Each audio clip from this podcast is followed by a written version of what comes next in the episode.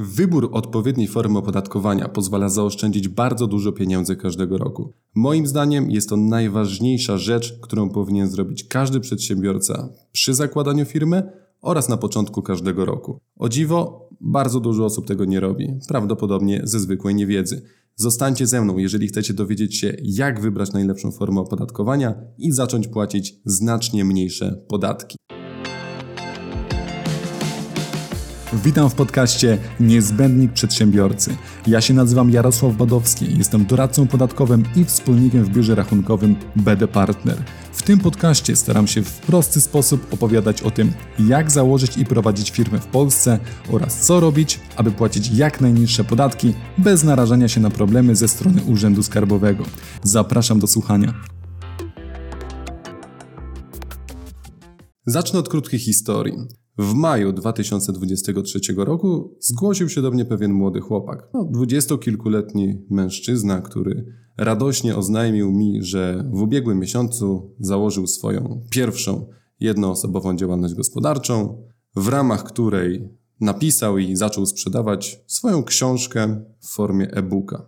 Powiedział, że firma, firmę pomagała mu zakładać jego znajoma księgowa, no ale kwoty, które niespodziewanie zaczął zarabiać, nieco ją przeraziły, dlatego poleciła kontakt z doradcą podatkowym, aby upewnić się, czy na pewno wszystko jest w porządku. Podczas naszej konsultacji okazało się, że tak się wstrzelił z tematem książki i jego promocją, że po upływie kilku tygodni zarobił ponad 100 tysięcy złotych na sprzedaży e-booków. Nic nie wskazywało też na to, że ta sprzedaż miałaby w jakikolwiek yy, sposób spadać. Wręcz przeciwnie, jak się już się później okazało, zarobił jeszcze znacznie więcej. No więc od razu zapytałem go, jaką wybrał formę opodatkowania. To było pierwsze, yy, jedno z pierwszych moich pytań do niego. Okazało się, że zrobił wielkie oczy, no i oznajmił wprost, że tak naprawdę nie ma pojęcia, o czym ja w ogóle do niego mówię. No to poprosiłem go o wydruk wniosku, który składał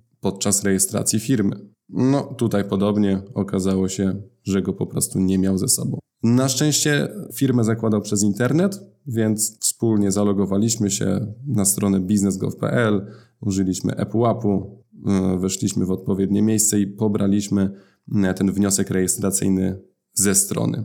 Jak się okazało w tym wniosku, nie miał zaznaczonej żadnej formy opodatkowania. Wtedy nerwowo spojrzałem na kalendarz. Był chyba 13 dzień maja. Sprawdziłem datę rejestracji firmy na wniosku 2 kwietnia. I mówię do niego, nawet nie wiesz jakiego masz farta. Suma summarum, gdyby ten człowiek nie zainteresował się wtedy swoją sytuacją podatkową, ba, gdyby zrobił to tydzień lub dwa tygodnie później, przy takim przychodzie, jaki osiągnął do końca roku, czyli około 500 tysięcy złotych, zapłaciłby ponad 100 tysięcy złotych więcej samego podatku oraz składki zdrowotnej. Tu są aż takie różnice. To o tym dzisiaj będę e, właśnie opowiadał. Także tutaj jedna rzecz potrafi zmienić, zdziałać aż takie cuda, dlatego to jest aż tak istotne. Za chwilę tę całą historię z tym człowiekiem e, postaram się rozbić na czynniki pierwsze, opowiem co tam się wydarzyło od tej takiej podatkowej strony.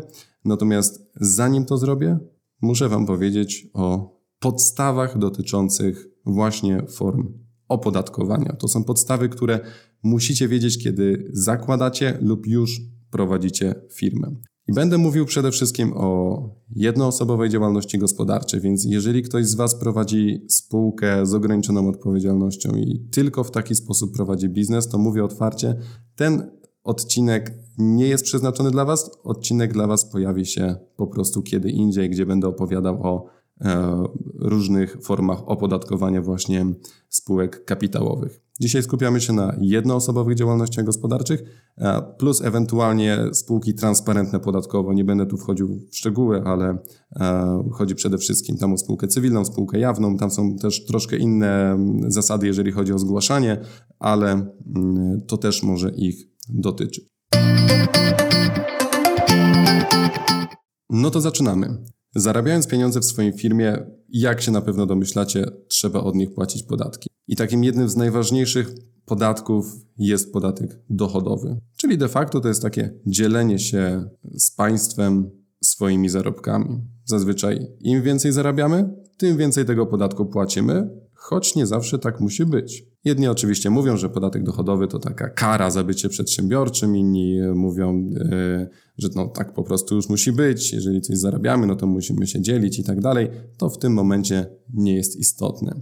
Natomiast istotne jest to, że sposób, w jaki liczymy ten podatek dochodowy, może być różny i zależeć od wielu rzeczy. To, jak się go liczy i ile wynosi, właśnie zależy od formy opodatkowania, czyli to, o czym dzisiaj będziemy mówić. I to właśnie sprawia, że kilka różnych osób zarabiających dokładnie tyle samo może płacić zupełnie różne podatki. I to, co teraz mówię, oczywiście dla wielu może być e, jasne, może być oczywiste, ale założę się, jestem pewny, że znajdą się takie osoby, które słyszą o tym pierwszy raz. Aktualnie, a nagrywam to na początku 2024 roku, mamy do wyboru trzy formy opodatkowania. Jest to skala podatkowa, jest to podatek liniowy i jest to ryczałt. Swego czasu była jeszcze karta podatkowa, która tam częściowo jeszcze żyje, natomiast nie zagłębiam się w to. Teraz już praktycznie nikt nie może wybrać tej formy opodatkowania, więc ją całkowicie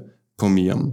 I tu jeszcze muszę podkreślić, że mówię o formach opodatkowania dotyczących podatku dochodowego. Podatek VAT to jest zupełnie inna rzecz. Bardzo rzadko jest to w ogóle związane. To najczęściej jest po prostu zupełnie osobny podatek.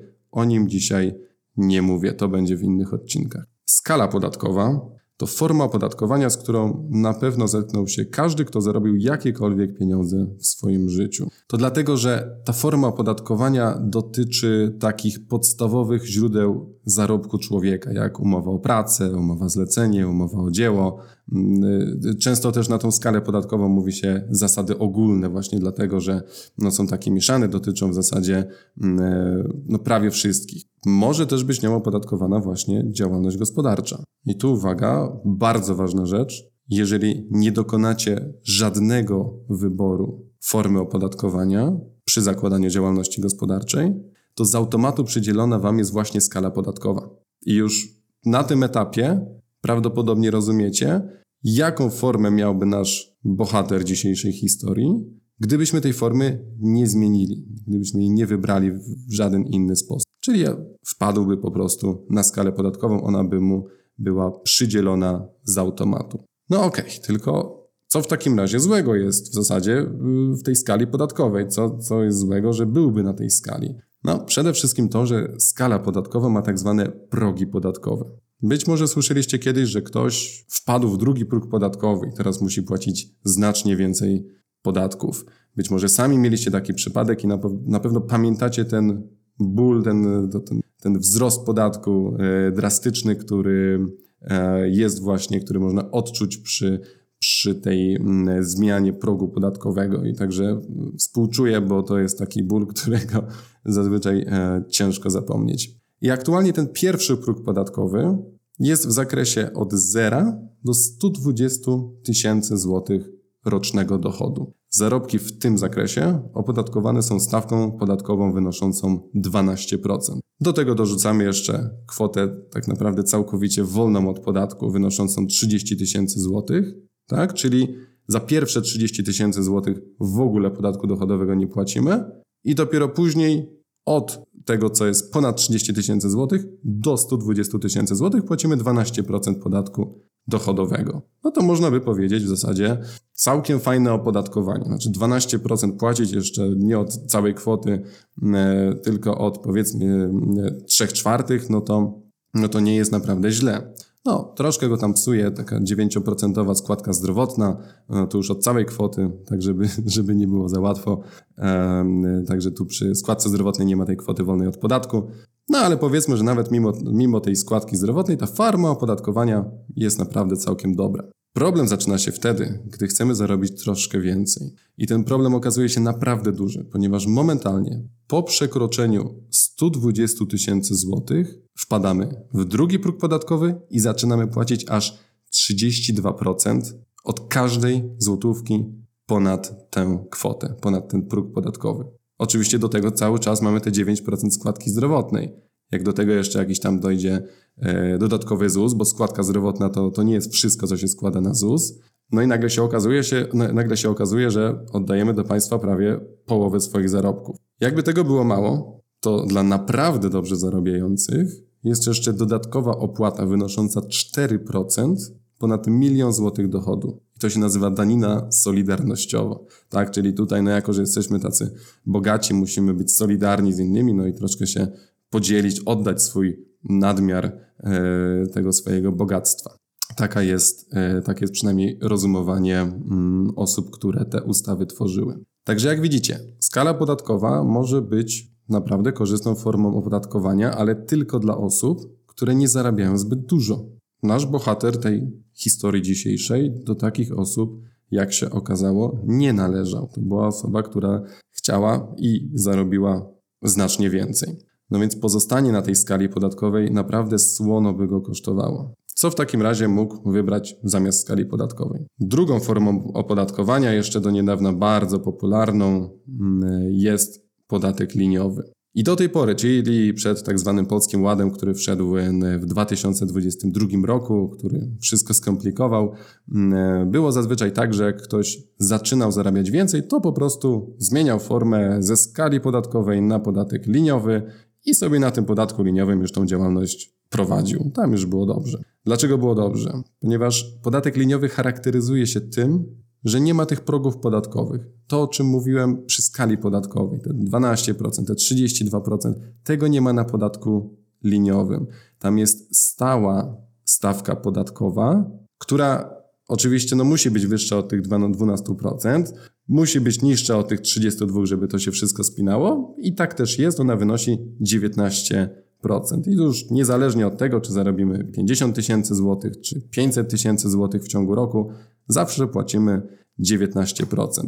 Jest oczywiście jeszcze ta danina solidarnościowa, podobnie jak przy skali podatkowej, te dodatkowe 4% powyżej miliona, no ale umówmy się, to większość osób jednak te roczne dochody utrzymuje poniżej miliona złotych. Do tego dochodzi też składka zdrowotna. Ona jest troszkę niższa niż na skali podatkowej. Tutaj wynosi niecałe 5%. Jeszcze tam w pewnej części da się ją odliczyć od dochodu, ale tu już nie będę mm, za bardzo w te szczegóły wchodził, przynajmniej w tym odcinku. Także już teraz, jak sobie pamiętacie tego naszego bohatera dzisiejszej, e, dzisiejszej historii, który zarabiał, e, zarobił koniec końców około 500 tysięcy złotych, taki przychód osiągnął i już w stanie jesteście ocenić na oko, że mm, w jego przypadku ten wybór podatku liniowego zamiast skali podatkowej na pewno pozwoliłby mu zaoszczędzić jakieś kwoty i te kwoty tak naprawdę nie byłyby jakieś małe. Ale tu być może część osób zaskoczę,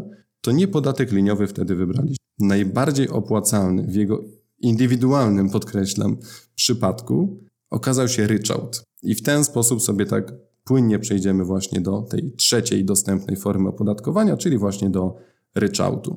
I tutaj najważniejszą różnicą między ryczałtem a tymi dwiema, dwiema pozostałymi formami jest to, że podatek ryczałtowy płacimy licząc go od całych naszych przychodów bez pomniejszania ich o koszty. I to jest bardzo istotne, bo w przypadku zarówno skali podatkowej i podatku liniowego podatek, na przykład te 12% na skali, obliczamy od dochodu. Czyli najpierw mamy jakiś przychód, tak? Powiedzmy wszystko, co, co zarobiliśmy, pomniejszamy ten przychód o poniesione koszty i dopiero od tego zysku płacimy podatek dochodowy. Tak jest przy skali podatkowej i tak jest przy podatku liniowym. Z ryczałtem tak nie jest. Nawet jeżeli na 100 tysięcy, powiedzmy, naszego przychodu musieliśmy ponieść 95 tysięcy złotych kosztów, tak? Bo musieliśmy kupić towar, jakiś sprzęt, jakiś, musieliśmy nowych pracowników mieć, którym musieliśmy dać wynagrodzenie, to podatek ryczałtowy i tak liczymy od tych całych 100 tysięcy. Skala podatkowa, podatek liniowy, tu byśmy liczyli od 5 tysięcy od różnicy, a ryczałt nie, ryczałt liczymy od 100 tysięcy, od całości. No więc pewnie taka konsternacja teraz mogła zapaść w waszych głowach, część z was mogła się popukać w głowę, powiedzieć, no Jarek, to no, świetnie go załatwiłeś, kazałeś mu płacić podatek od całego przychodu i nawet sobie chłopak kosztów nie mógł zrobić. No, to by było oczywiście prawdą, gdyby nie fakt, że ryczałt ma kilka bardzo istotnych plusów, które nierzadko biją na głowę jego własne minusy i jeszcze biją na głowę też zalety innych form opodatkowania.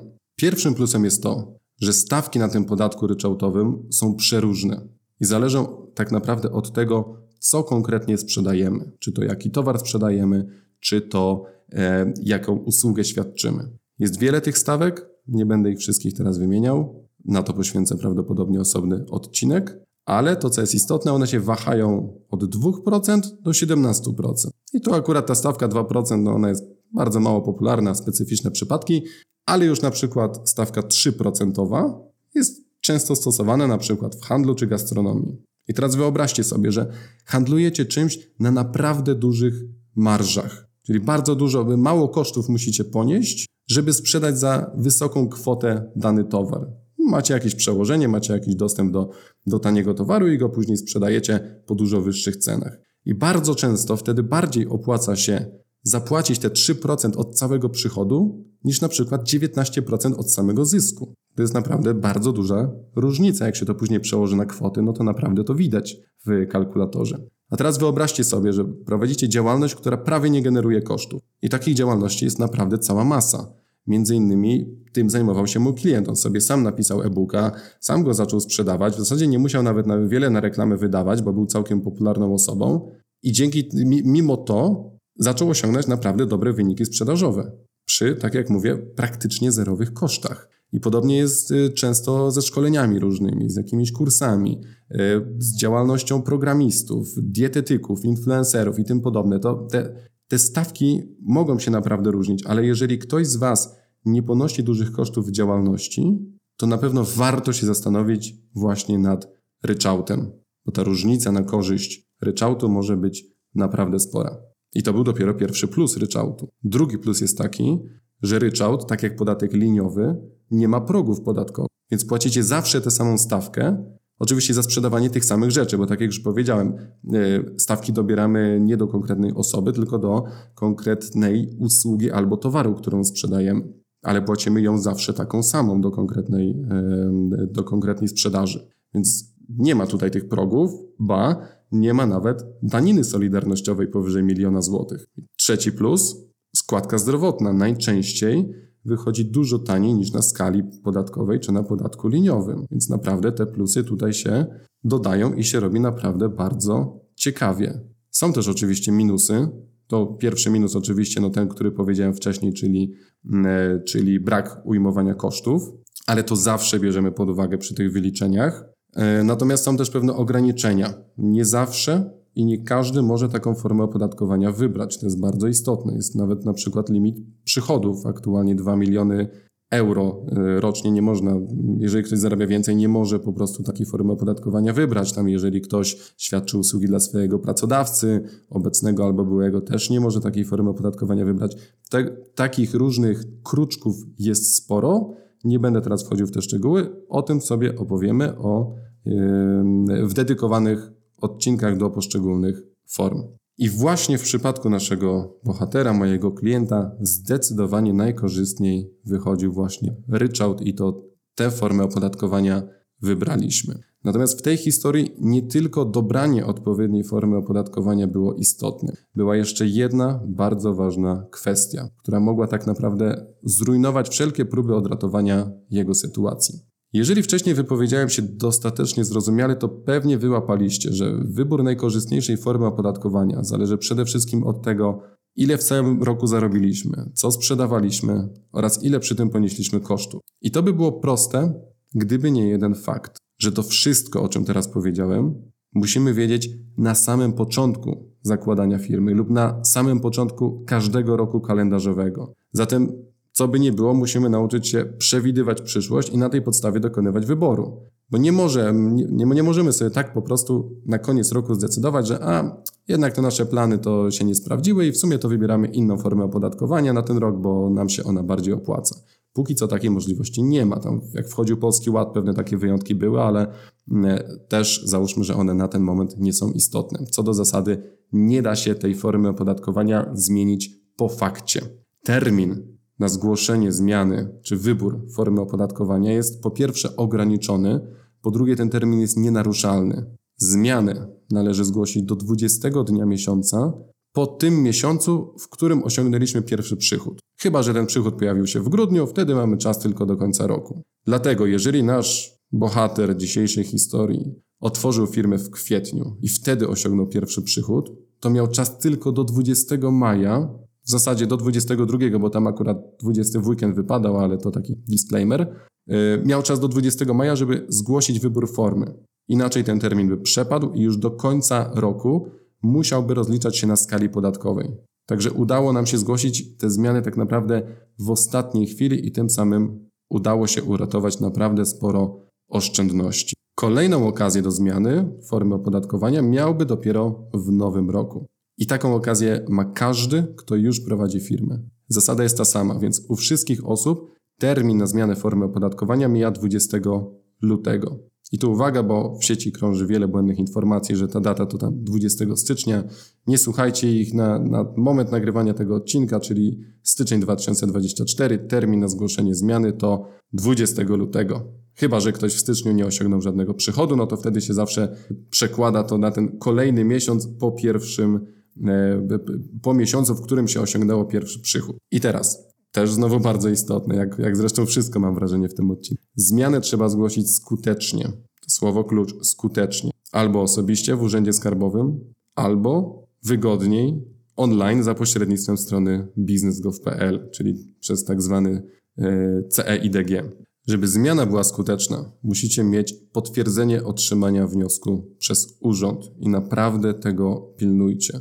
Ostatnio nagrałem i umieściłem na YouTubie, y, na kanale akurat naszego biura rachunkowego BD Partner, instrukcję wideo pokazującą, jak przechodzę przez ten proces. Także jest dostępna za, za darmo, możecie sobie obejrzeć tę instrukcję, trwa kilka minut. Mm, tam mówię też o najważniejszych rzeczach, jak, jak, to, jak to technicznie zrobić, kiedy zgłosić. Natomiast to, co chciałem powiedzieć, że jedna z najgorszych rzeczy, jakie mogą się przytrafić przedsiębiorcy na jednoosobowej działalności gospodarczej, to żyć w świadomości, że wybrało się daną formę opodatkowania i według niej płacić podatki, a po kilku latach dowiedzieć się z urzędu, że jednak oświadczenie nie dotarło do urzędu i musimy skorygować wszystkie lata, dopłacić znaczne sumy podatku, zapłacić odsetki, często nawet zapłacić mandat od tego, jeżeli się to zrobiło świadomie w jakiś sposób.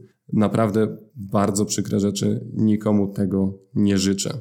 Więc podkreślam jeszcze raz, jeżeli wybieracie formę opodatkowania albo jeżeli zgłaszacie zmianę formy opodatkowania, to zróbcie to skutecznie. Upewnijcie się, że macie e, tak zwane e, UPD, czyli Urzędowe Poświadczenie Dostarczenia, czy UPO, e, Urzędowe Poświadczenie Odbioru przez urząd właśnie tej, tego, tego oświadczenia o wyborze czy o zmianie formy opodatkowania.